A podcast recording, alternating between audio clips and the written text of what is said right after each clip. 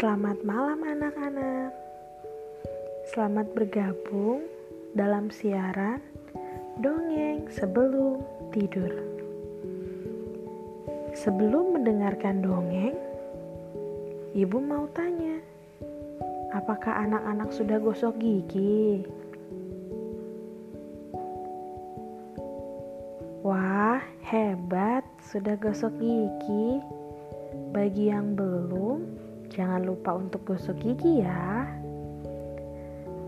Nah, sekarang waktunya kita untuk dongeng sebelum tidur.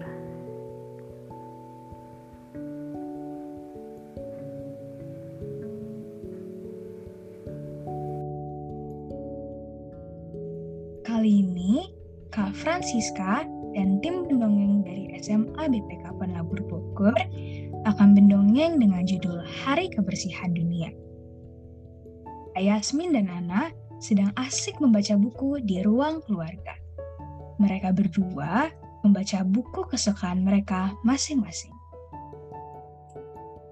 Kak, coba lihat deh. Di buku ini, aku menemukan keunikan dari macam-macam binatang. Coba sini kakak lihat. Wah, semuanya unik-unik ya. Iya kak, aku juga baru tahu kalau ternyata kanguru membawa anaknya di dalam kantong. Nah, itu pentingnya membaca. Kamu jadi tahu hal yang tidak kamu tahu sebelumnya. Mereka berdua pun melanjutkan membaca. Tiba-tiba, Kak Yasmin memanggil Ana. Ana, Ana, coba lihat ini. Kamu tahu nggak? Ada negara-negara yang paling bersih di dunia loh. Oh ya? Aku belum tahu kak. Coba sini mendekat dulu. Kakak bacakan ya. Berikut negara-negara terbersih di dunia. Yang pertama, Denmark. Yang kedua, Luxembourg. Yang ketiga, Swiss. Yang keempat, Inggris.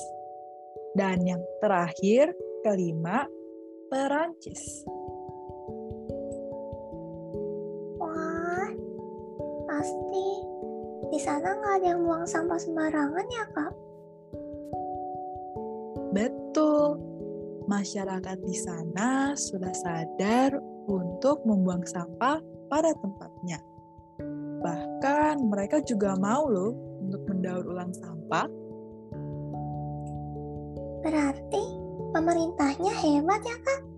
Bisa membuat negara tersebut selalu bersih. Tapi bukan hanya pemerintah saja loh. Semua orang terlibat dalam menjaga kebersihan. Dimulai dari hal yang kecil, misalnya membuang sampah pada tempatnya. Dan tidak lagi menggunakan plastik ketika berbelanja.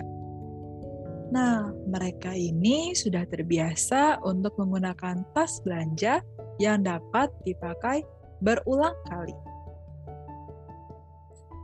Hmm, iya kak. Ana lihat. Mama juga kalau belanja ke supermarket sudah membawa tas belanja. Betul, Ana. Sebenarnya di negara kita ini sudah mulai belajar juga untuk bijak dalam mengelola sampah. Kalau kayak gitu, kapan ya kak Indonesia masuk ke dalam negara terbersih di dunia? Nah, untuk itu kita harus selalu semangat. Indonesia pasti bisa. Yang terpenting, kita semua mau belajar untuk peduli terhadap lingkungan dengan menjaga kebersihan. Oh iya kak, aku jadi ingat kak, kata ibu guru, besok di sekolah akan ada memperingati hari kebersihan dunia. Wah, pasti acaranya seru tuh, Ana. Iya kak, makanya nanti aku mau cerita ah, kalau di dunia ada negara-negara yang paling bersih. Wah, itu ide bagus, Ana. Semangat ya. Keesokan hari, saat di sekolah, Ana dan teman-teman memperingati Hari Kebersihan Dunia.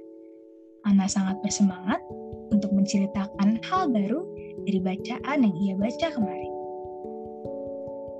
Anak-anak, hari ini kita semua akan memperingati Hari Kebersihan Dunia.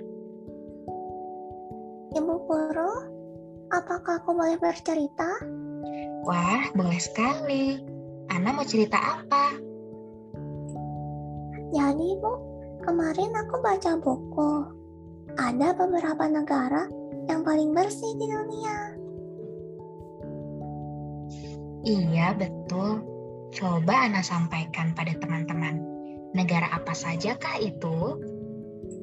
Hmm, yang pertama itu ada Denmark, terus ada Luxembourg, lalu Swiss, Inggris, dan yang terakhir itu, oh iya, Prancis bu.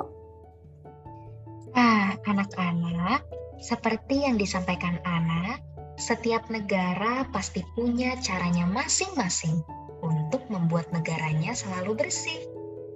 Negara-negara yang tadi disebutkan oleh Ana punya cara yang paling baik, terutama dalam mengelola lingkungan. Guru, kata kakak aku, masyarakatnya juga harus mau belajar mengelola sampah, Bu. Betul sekali, Ana. Menjaga kebersihan itu bukan hanya tugas pemerintah, tetapi tugas kita semua. Kita bisa mulai loh dari hal yang paling kecil. Misalnya, kalau kita punya sampah, maka kita harus membuang sampahnya pada tempatnya.